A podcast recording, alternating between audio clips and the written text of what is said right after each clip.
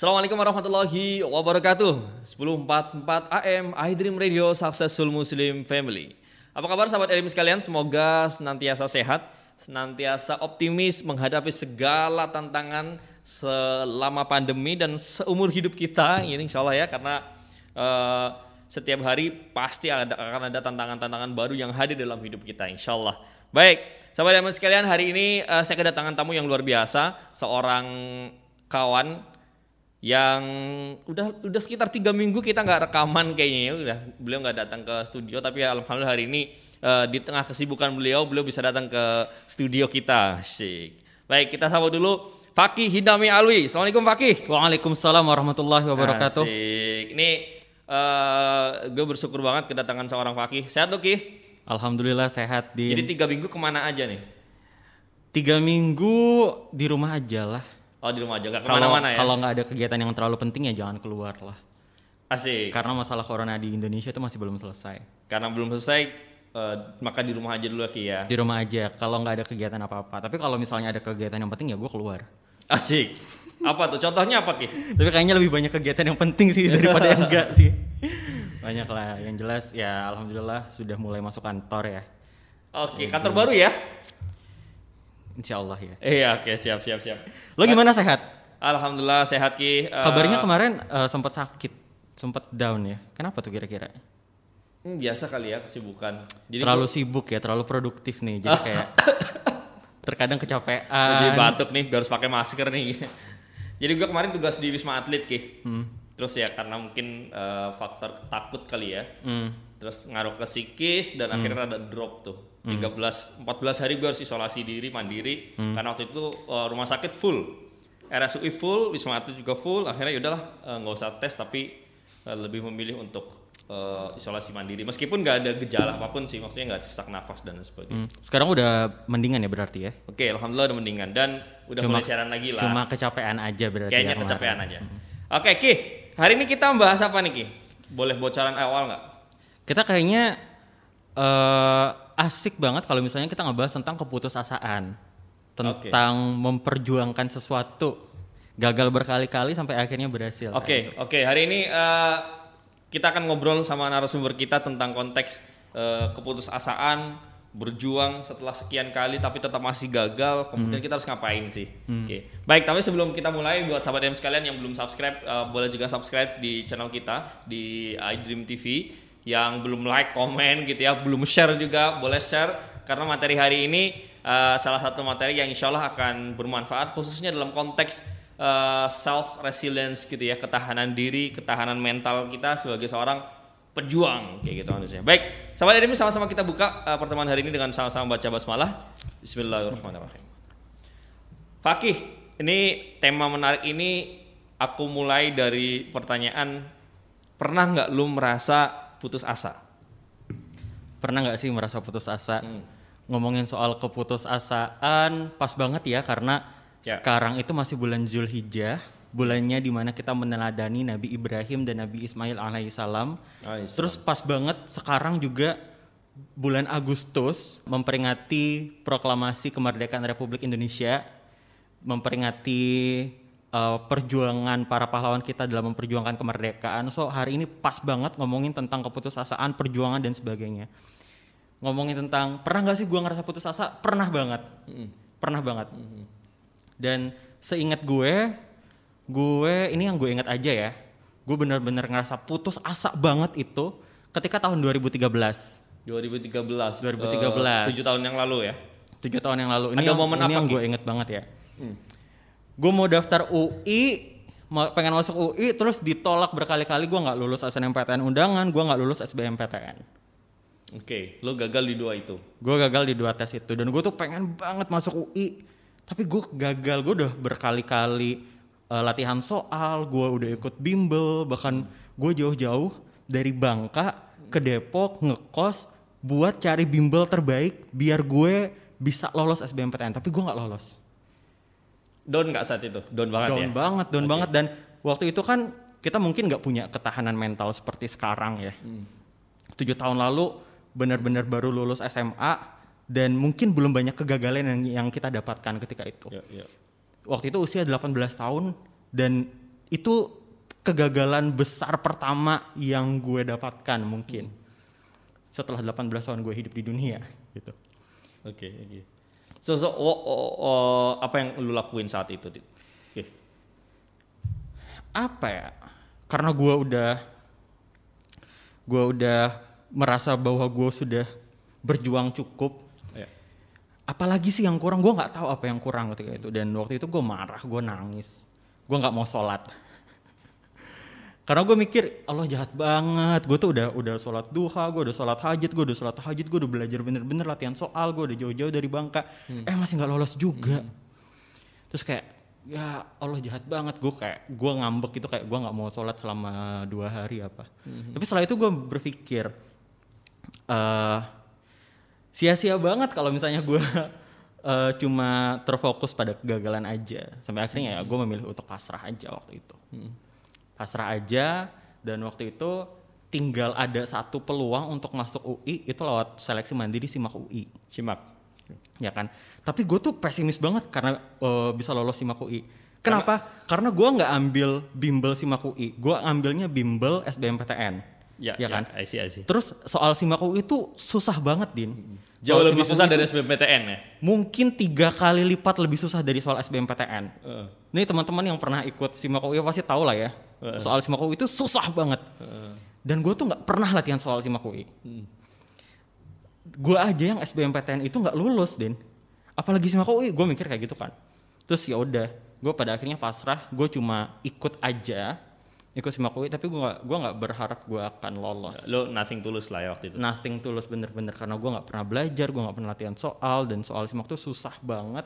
Otak kampung kayak gue yang datang dari kepulauan tuh dari kampung nggak mampu ngerjain soal simak UI. Gue mikirnya kayak gitu. Dan eh, mahasiswa UI yang lolos dari simak UI itu kan sedikit banget kuotanya. Iya, kalau nggak salah Kecil cuma banget. 20 sampai 30 persen ya. Bahkan mungkin kurang dari itu. Jurusan gue itu program studi Rusia itu cuma belasan orang kalau nggak salah yang lolos dari simak UI. Sedangkan yang daftar tuh ratusan, Din.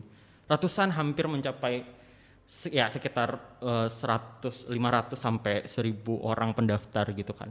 Dan gue mikir kayak udahlah soalnya susah, sel eh, terus gue nggak belajar, terus eh, kuotanya sedikit ya udah gue nggak akan lolos. Eh ternyata lolos.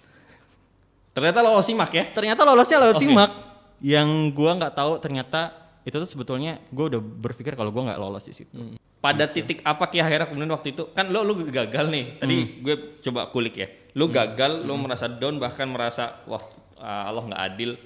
Terus tiba-tiba lo masih mau masih mau berjuang ikut simak gitu misalnya. I- i- ada ada sesuatu yang lebih lebih nggak di bagian itu? Gue mikir eh akhirnya gue mikir kayak gini setelah be- eh, beberapa hari gue merenung hasil akhir tuh bukan keputusan kita, din kita tuh cuma cuma berusaha aja kayak gitu. Dan yang untuk menentukan apakah kita mampu atau enggak itu sebetulnya bukan kita sendiri. Ya. Allah itu lebih tahu tentang kita din kalau misalnya eh, kita mikir gua nggak bisa tapi Allah mikirnya tapi Allah berpikir kita bisa ya kita bisa kayak gitu. Jadi gue berpikir kayak ya udah terserah Allah aja. Gue waktu itu berdoa spesifik ya sebelum sebelum SBMPTN gue berdoa spesifik, spesifik. Ya Allah jadikan aku mahasiswa UI Fakultas Ilmu Budaya jurusan bla bla bla tahun 2013 lewat SBMPTN spesifik banget din tapi setelah gua nggak lulus SBMPTN gue cuma berdoa kayak gini. Ya Allah engkau lebih tahu tentangku tentang diriku tentang kecerdasanku tentang kemampuanku daripada aku sendiri. Maka masukkanlah aku ke kampus dan jurusan yang terbaik menurutku tapi sesuai dengan kemampuanku. Terbaik menurutmu maksudnya? terbaik menurutmu ya Ya, oke. terbaik menurut Allah tapi sesuai sama kemampuan gue. Ya udah gue cuma berdoa kayak gitu aja. Dan waktu itu gue juga ikut seleksi mandiri Universitas Brawijaya karena gue berpikir kayaknya di simak gue nggak akan lolos nih. Akhirnya gue ikut seleksi mandiri Brawijaya. Ternyata lolos juga. Alhamdulillahnya gue lolos di dua universitas waktu itu. Dua-duanya lima besar. UI waktu itu peringkat satu Brawijaya waktu itu peringkat lima. Dan dua-duanya masuk jurusan keren gue tapi akhirnya gue memilih untuk masuk UI setelah itu. Oke, oke. Gue gue eh wow, ini- gue nggak bisa ngerasain itu karena gue waktu itu senam PTN undangan ki. Ya ya you know lah itu kayak kocokan Lo nggak bisa ngerasain kegagalan masuk UI ya waktu itu. Nah, itu hanya kocokan. Eh tiba-tiba nama gue ma- masuk nih, selamat ada masuk Ngeselin UI, banget gitu. Ngeselin banget sumpah. Eh, yang ngeselin banget sehingga gue gue nggak tahu rasa kegagalan itu. Tapi Hmm. eh, dengerin cerita lo sih sedikit terbayang ya. Mungkin teman-teman juga sekarang ada banyak ngerasain ya Ki ya. Hmm, Karena sekarang kan beberapa Baru aja kemarin. kemarin ya? Baru kemarin tuh ah. pengumuman SBMPTN. ada pengumuman SBTN dan Hmm. sebagian dari dari teman-teman mungkin ada yang gagal gitu ya, mungkin ada Hmm. yang belum berhasil. Tapi ya, ada fakih. Contoh yang Ada gua yang pernah Iya. gagal cuy gitu. Iya ada Faki yang pernah gagal dan dia berhasil akhirnya gitu. Artinya eh, keberhasilan itu kan adalah sebuah kegagalan yang tertunda. Eh apa sih? Gimana sih? Iya, bisa jadi. Kegagalan adalah keberhasilan yang tertunda. Oke makasih. Karena lu pembicaranya lu harus bener. Kalau gue host gue bisa bertanya kepada pembicara. Didin Oke. ngantuk Didin. Baik. Baik, oke. Oke, oke, oke. Next, next. Ki. Terus, terus. Hmm, ngomongin ya udah. Iya, iya. Ngomongin tentang eh, keputusasaan memang satu hal yang menurut gue sih eh, kayaknya potensi itu ada dan dan kalau dalam konteks gue sebagai belajar Islam misalnya gitu ya, Hmm. setan itu senang banget kalau ada manusia yang putus asa. Iya nggak sih?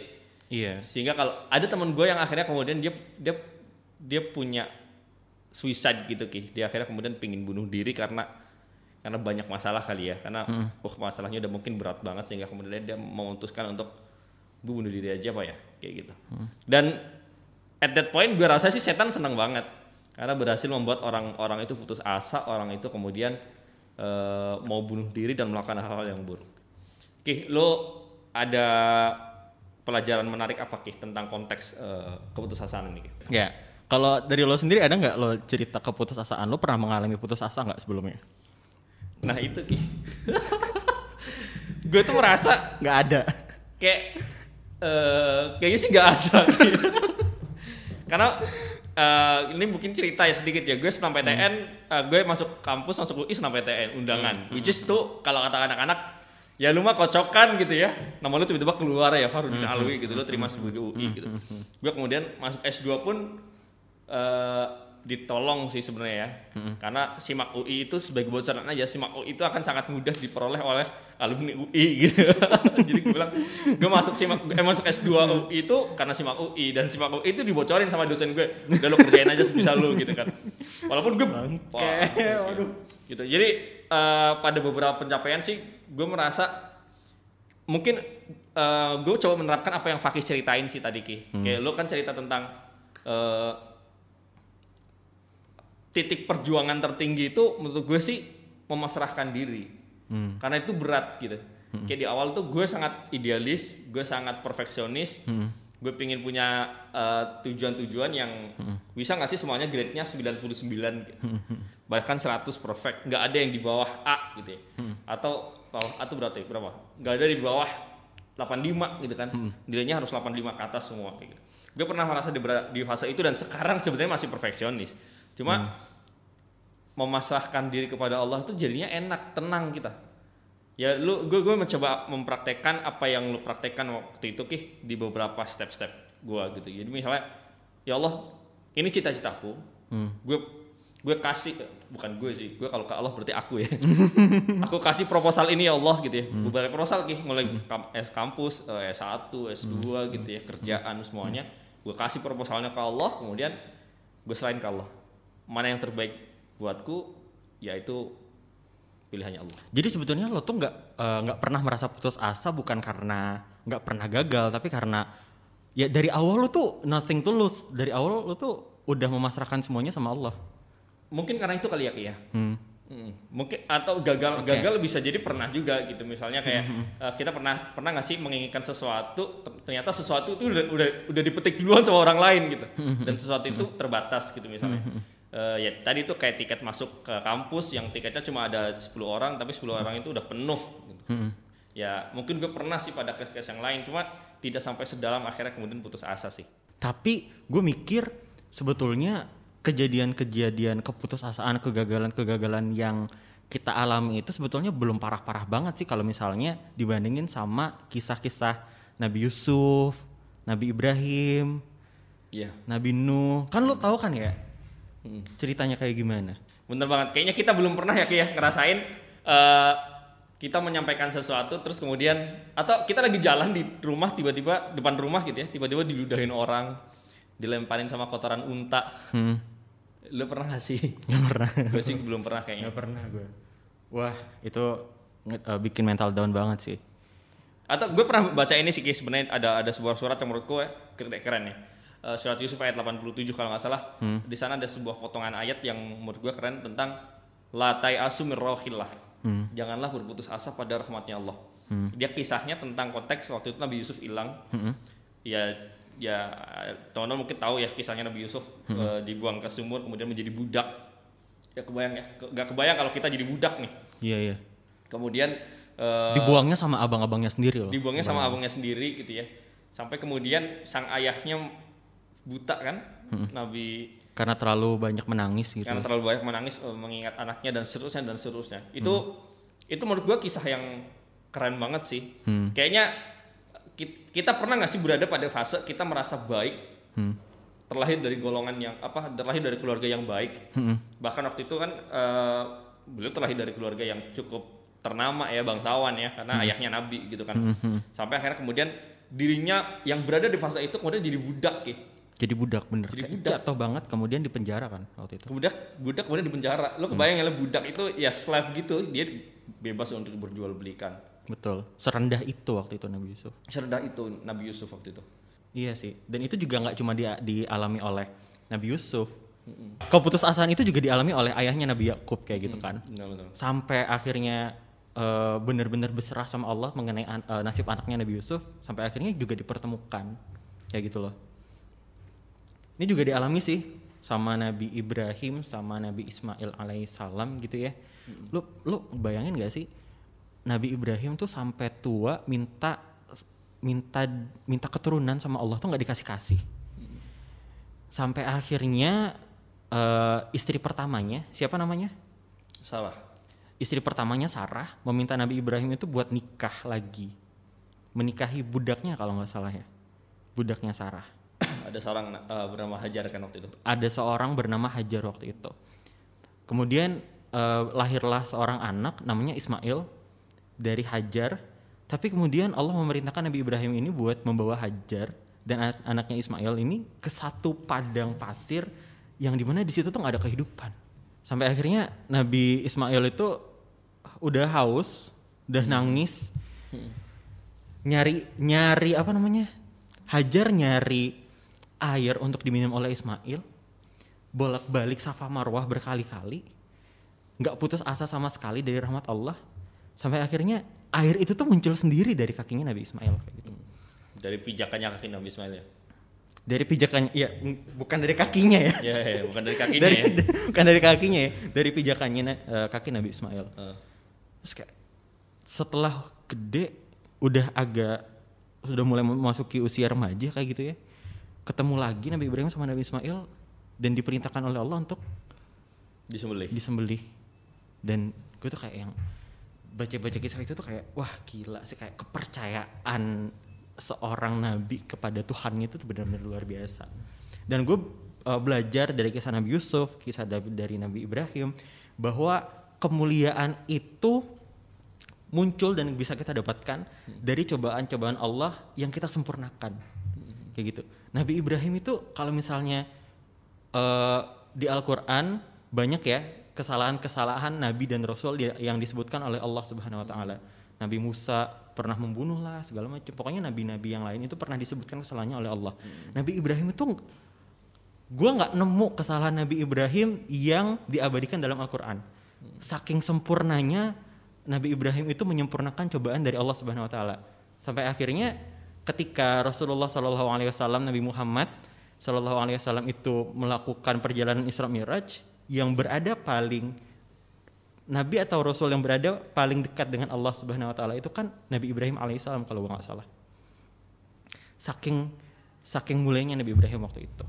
Dari situ gue belajar bahwa sebetulnya kemuliaan itu tuh kita dapat tuh dari dari itu Din, dari kesulitan-kesulitan yang kita ketika kita melewatinya kita bisa bisa apa ya bisa melaluinya dengan sempurna kayak gitu. Gue pernah cerita nggak sih Ki, tentang konteks eh, dulu ada seorang ulama yang kemudian ketika dia tidak dicoba dia merasa sedih. Pernah ya? Enggak, gue nggak pernah dengar Oh, kisahnya. Jadi ada ada sebuah kitab eh, Imam Al-Ghazali menulis kitab tentang bagaimana berdekat diri kepada Allah dan beliau cerita tentang ulama zaman itu di zaman abad pertengahan mereka merasa sedih ketika dirinya tidak dicoba oleh oleh Allah. Kenapa? Karena kalau nggak dicoba dia berada level ini. ya. Hmm. Ini kalau ada cobaan levelnya bisa lebih tinggi kan. Iya. Nah kalau dia berhasil melewati cobaan itu maka level dia akan naik. Hmm. Nah sementara kalau dia di sini nggak ada cobaan maka level dia akan di situ terus Levelnya nggak naik-naik berarti naik ya. naik gitu maka di satu sisi ulama itu sedih ketika nggak dicoba sama Allah nggak dicoba dengan apa pun ya Hmm. mungkin dengan kekayaan dengan kemiskinan gitu ya dengan dengan apa pun gitu Hmm. gitu Nah ini nih sebetulnya mindset yang perlu kita punya. Gue ngeliat bahwa ulama-ulama terdahulu seperti yang lo sebutkan dan lo ceritakan tadi, mereka punya mindset yang melihat kegagalan dan cobaan itu bukan sebagai hambatan mereka untuk maju, tapi sebagai peluang mereka untuk naik level kayak gitu. Eh, s- ini tuh pernah disebutkan di sebuah buku judulnya Mindset yang ditulis oleh Carol Dweck, eh, psikolog dari Amerika Serikat. Dia, gue pernah cerita di sini ya bahwa ada dua macam mindset. Ini tuh sebetulnya pernah disinggung oleh seorang psikolog dari Amerika Serikat, Carol Dweck yang menulis buku judulnya Mindset. Gue pernah cerita di sini bahwa ada dua macam mindset, bahwa ada growth mindset dan ada fixed mindset. Fixed mindset itu uh, mindset yang melihat masalah itu sebagai hambatan buat kita untuk maju. Sementara growth mindset itu mindset yang melihat uh, hambatan atau cobaan atau tantangan itu sebagai peluang buat kita belajar sampai akhirnya kita bisa naik level. Dan growth mindset ini yang kalau gue dengar dari cerita lo, growth mindset ini yang dimiliki oleh para ulama-ulama terdahulu seperti yang lo ceritakan.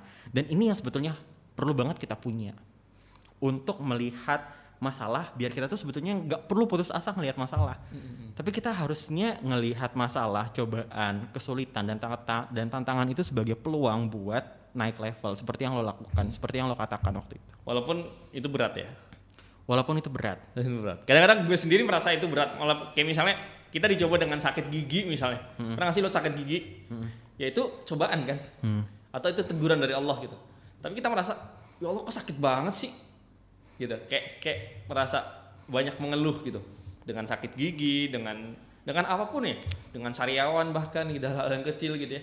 Nah itu, uh, uh, gue gue sepakat banget dengan Fakih sih tentang konteks uh, growth mindset tadi. Bahwa sesakit sekecil apa pun sakitnya sekecil apa pun cobaannya tergantung kita memandang dari sudut pandang yang mana kan Ki? Betul, betul. In the end, perasaan keputusasaan, perasaan putus asa itu itu sumbernya tuh dari pikiran kita sendiri. Lahir dari respon kita melihat masalah. Sebenarnya kayak kalau misalnya masalah itu sebetulnya sifatnya tuh netral dan netral aja sebetulnya. Gagal itu tuh tidak menyedihkan dan tidak menyenangkan gitu. Yang bikin kegagalan itu jadi menyedihkan itu sebetulnya mindset kita sendiri yang bilang kalau gagal itu menyedihkan. Sementara kalau misalnya eh, kita punya mindset yang baik, growth mindset, ya bahwa kita bisa gagal melihat- adalah keberhasilan yang tertunda ya Iya, gagal itu tuh peluang buat kita belajar lebih banyak aja. ya ya, ya. Berarti kalau misalnya kita gagal, berarti kita punya peluang atau waktu lebih banyak buat belajar. That's it gitu. Itu poin yang menurut gue uh, menarik sih sehingga kemudian kita bisa me- melihat sebuah permasalahan uh, dari sudut pandang yang positif kali ya Ki ya Iya. Nah, Din, gue mau tanya sama lo nih. Hmm. Kan nggak mungkin lo nggak asik kan kalau misalnya lo nanya gue terus. Menurut lo, gimana caranya biar kita itu tuh terhindar dari eh, rasa putus asa ketika kita ngerasa gagal? Kalau gue sih tipsnya ada dua ya. Eh, pertama kan kita tahu kalau eh, keputusasaan itu biasanya muncul dari stres. Stres itu bisa jadi muncul karena ekspektasi kita itu tidak terpenuhi dengan realitas yang ada. Gitu. Sehingga kemudian gapnya semakin jauh, kita semakin stres, kita semakin putus asa lah, kayak gitu. Nah, itu pertama yang harus kemudian kita kita cek sih, sehingga kemudian eh, bagaimana kemudian kita res- merespon ketika ekspektasi kita, realitas kita, realitas yang kita hadapi itu tidak sesuai dengan Ekspektasi. ekspektasi yang kita kita udah canangkan di awal. Satu itu. Yang kedua adalah kepasrahan sih kalau gua. Yang tadi gue bilang ya, eh, kepasrahan itu adalah salah satu titik perjuangan yang paling berat. Karena memasrahkan sesuatu kepada Allah itu memang berat. Ya misalnya gue tanya ke lu deh tentang pilihan hidup gitu. Pilihan pasangan hidup gitu misalnya. Kan ada doa istikharah gitu ya Allah. Bi ilmik dengan ilmunya Allah Dengan ilmunya Allah. dengan ilmunya Allah maka kalau dia baik untukku dekatkanlah aku dan dekatkanlah ia denganku gitu. Kalau dia tidak baik untukku maka jauhkanlah aku dengan dia dan jauhkanlah dia dengan aku. Itu kan doa yang menurut gue luar biasa banget gitu. Kadang kalau kita udah suka sama orang, doanya beda.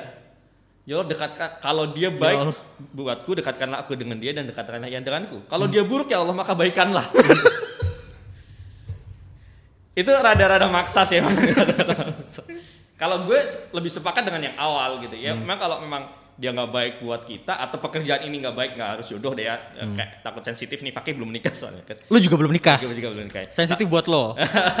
Takutnya sensitif kan. Ya apa pun itu sebenarnya kayak, kayak pekerjaan gitu kan. Hmm. Kampus lah dan Jurusan lah, ya Jurusan milih gitu ya. kampus segala macem ya. kayaknya sih akan merasa tenang ketika kita berdoa kayak tadi. Kalau itu emang nggak buat aku, kalau itu emang nggak baik buatku ya jauhkanlah itu dariku dan jauhkanlah itu dariku. gitu. Itu dariku dan aku darinya kayak gitu kan. itu menurut gue sih doa kepasrahan yang paling tinggi. Gitu. Sehingga kemudian kita tidak mendikte dan memaksa Allah untuk memenuhi keinginan kita. Karena yang kita inginkan belum tentu baik buat kita sih. Oke, oke ini ini karena waktu kita terbatas, lu ada nggak tips biar nggak putus asa versi? Oke, oke. Eh, karena waktu kita terbatas, lu ada nggak tips buat teman-teman semuanya untuk eh, satu preventif biar nggak putus asa. Yang kedua adalah eh, kuratif. Kalau udah merasa down banget, apa sih yang harus dilakuin? Dua itu, Ki. Gimana, Ki?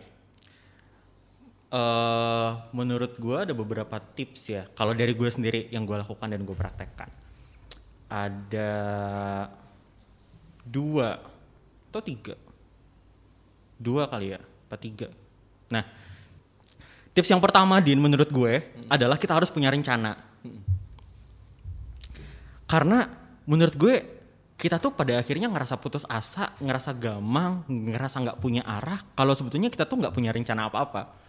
Kita nggak punya backup plan, kita nggak punya rencana A, B, C dan sebagainya. Kalau misalnya kita gagal, gue harus ngapain? Kalau misalnya gue berhasil, gue ngapain kayak gitu. Kita nggak punya rencana. Padahal rencana itu, nyusun rencana itu tuh penting banget. Bahkan Allah sendiri nih yang bilang kalau nyusun rencana itu penting. Kan ada tuh di surat Al-Hasyr ayat 18 kalau nggak salah. Ya ayyuhalladzina amanu taqullah wal tanzur nafsum ma qaddamat lighat wattaqullah. Wahai orang-orang yang beriman, bertakwa bertakwalah kepada Allah dan perhatikan besok kita tuh bawa apa, besok kita tuh mau ngapain.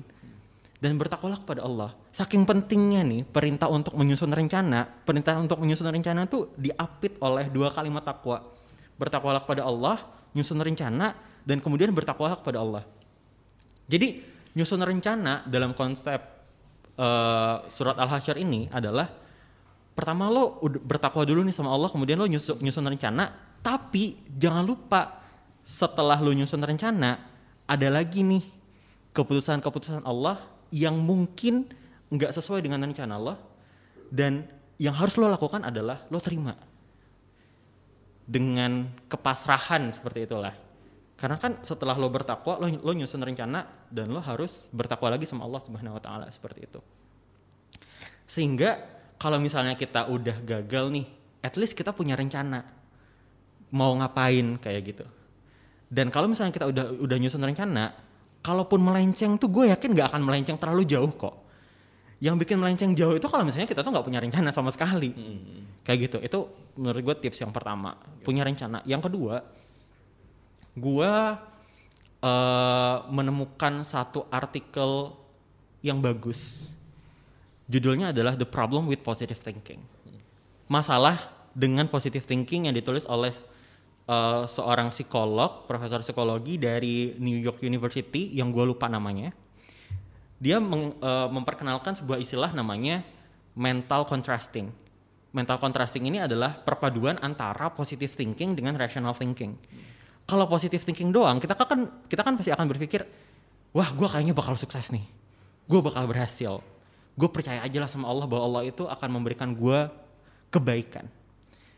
Tapi ternyata positive thinking itu nggak selamanya berdampak baik buat kesehatan uh, psikis kita, kesehatan jiwa kita. Iya. Karena ketika kita gagal, udah tuh kita benar-benar akan menyalahkan diri sendiri, kita akan menyalahkan orang lain dan sebagainya. Makanya penulis artikel ini memperkenalkan konsep mental contrasting ini biar positive thinking ini digabungkan dengan rational thinking. Jadi kita boleh nih berpikir positif. Tapi harus rasional nih. Kalau misalnya gagal, kita harus bisa nentuin dan merencanakan kira-kira apa yang mesti kita lakukan. Kita boleh positif nih, tapi kita harus tahu nih dan harus rasional sebetulnya kemampuan kita tuh sampai mana. Kayak gitu.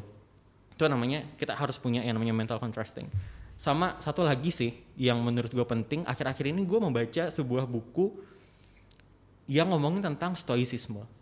Stoicisme ini muncul ribuan tahun mungkin sebelum agama Islam uh, lahir di Jazirah Arab. Dia uh, muncul dari zaman Yunani kuno. Ada beberapa tokoh kayak Marcus Aurelius, Seneca yang terkenal banget. Intinya filsafat ini memperkenalkan sebuah gagasan bahwa ada dua hal, ada ada dua dikotomi nih, ada dikotomi. Hidup kita tuh punya dikotomi.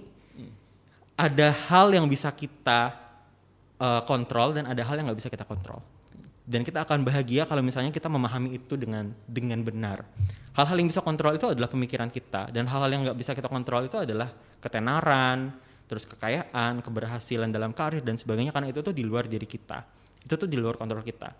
Nah, yang gue baca adalah sebetulnya kita tuh nggak perlu pusing mikirin kita mau gagal atau berhasil. Yang harus kita pikirin adalah gimana caranya ngebentuk mindset kalau misalnya kita gagal dan kalau misalnya kita berhasil kayak gitu. So kayak bener-bener ngelatih diri untuk membuat respon yang positif senegatif apa pun hasil yang kita dapatkan kayak gitu. Jadi ya gitu sih. Jadi kayak berlatih untuk apa namanya berpikir rasional bahwa sebetulnya misalnya lo gagal, sebetulnya kegagalan itu nggak perlu lo pikirkan. Kenapa? Karena itu tuh ada di luar kuasa lo. Itu tuh kuasa Allah, Din. Jadi nggak perlu dipikirin kalau misalnya lo gagal. Yang perlu lo pikirin adalah mindset yang lo punya sebagai respon untuk untuk merespon kegagalan lo itu. Gila gila keren keren keren. Thank you Ki. Ini uh, gue dapat informasi in, jadi dapat apa ya insight baru sih tentang konteks. Ya kita hanya hanya bisa hanya bisa atau kita punya tugas penting untuk memikirkan tentang apa yang sebenarnya bisa kita ikhtiarkan tentang apa yang sebenarnya bisa kita usahakan dan tugas kita adalah berjuang sebaik mungkin masalah hasil gagal atau berhasil kita serahkan kepada kepada yang kuasa Oke okay, Ki, thank you very much uh, udah join di uh, talk show kali ini bareng gua dan Fakih dan juga teman-teman semuanya udah nonton terima kasih banyak. Gue isi nutup dengan satu kisah kali ya. Uh, kisah ini masyhur dulu ada seorang lelaki yang sudah membunuh 99 orang kemudian dia datang ke seorang tokoh agama dan tokoh agama bilang uh, seorang lelaki itu tanya kepada tokoh agama saya sudah membunuh 99 orang maka apakah dosa saya diampuni? Seorang tokoh agama ini bilang wah udah nggak bisa tuh udah 99 orang. Akhirnya uh, tokoh agama itu dibunuh dan jadilah 100 orang yang sudah dibunuh. Hmm. ketika itu dia datang ke uh, seorang tokoh agama lain kemudian bertanya uh, wahai wahai fulan gitu ya, saya udah membunuh 100 orang apakah Allah akan mengampuniku tokoh agama ini bilang ya Allah akan mengampunimu tugasmu sekarang adalah pergi dari daerah sini berhijrah ke daerah yang baru agar kamu bisa kemudian memulai hal yang baru dengan positif kemudian dia bertobat dan berjalanlah dia ke meninggalkan negerinya menuju ke negeri yang baru. Di tengah berjalan dia meninggal. Ada dua malaikat yang datang waktu itu, yang uh, ada dua malaikat yang datang waktu itu nikat ya mas. Ada dua malaikat yang datang waktu itu, kemudian uh, saling berebutlah mereka. Ini masuk malaikat rahmat karena tau, udah bertobat atau wah nggak bisa nih dia belum sampai ke negeri tujuan gitu. akhirnya kemudian ada malaikat ketiga yang datang dan meminta yaudah diukur aja berapa jarak antara dia meninggalkan negerinya dan sampai kepada negeri yang baru. Akhirnya diukur dan jaraknya adalah dia satu jengkal lebih dekat ke negeri yang akan dia datangi. Gitu. Maka Allah Allah masukkan dia kepada kepada surganya Allah. Kisah ini semoga menjadi penutup atas obrolan saya dengan Fakih tentang konteks uh, tugas kita hanyalah optimis, tugas kita nggak boleh putus asa, tugas kita adalah nggak boleh uh, menyerah dengan keadaan, tapi tugas kita adalah berjuang terus berjuang dan berharap yang terbaik dan tetap optimis kepada Allah bahwa Allah akan menolong kita dan mengampuni kita insya Allah. Terima kasih. Jazakumullah khair. Kita tutup dengan bacaan hamdalah. Alhamdulillah Assalamualaikum warahmatullahi wabarakatuh.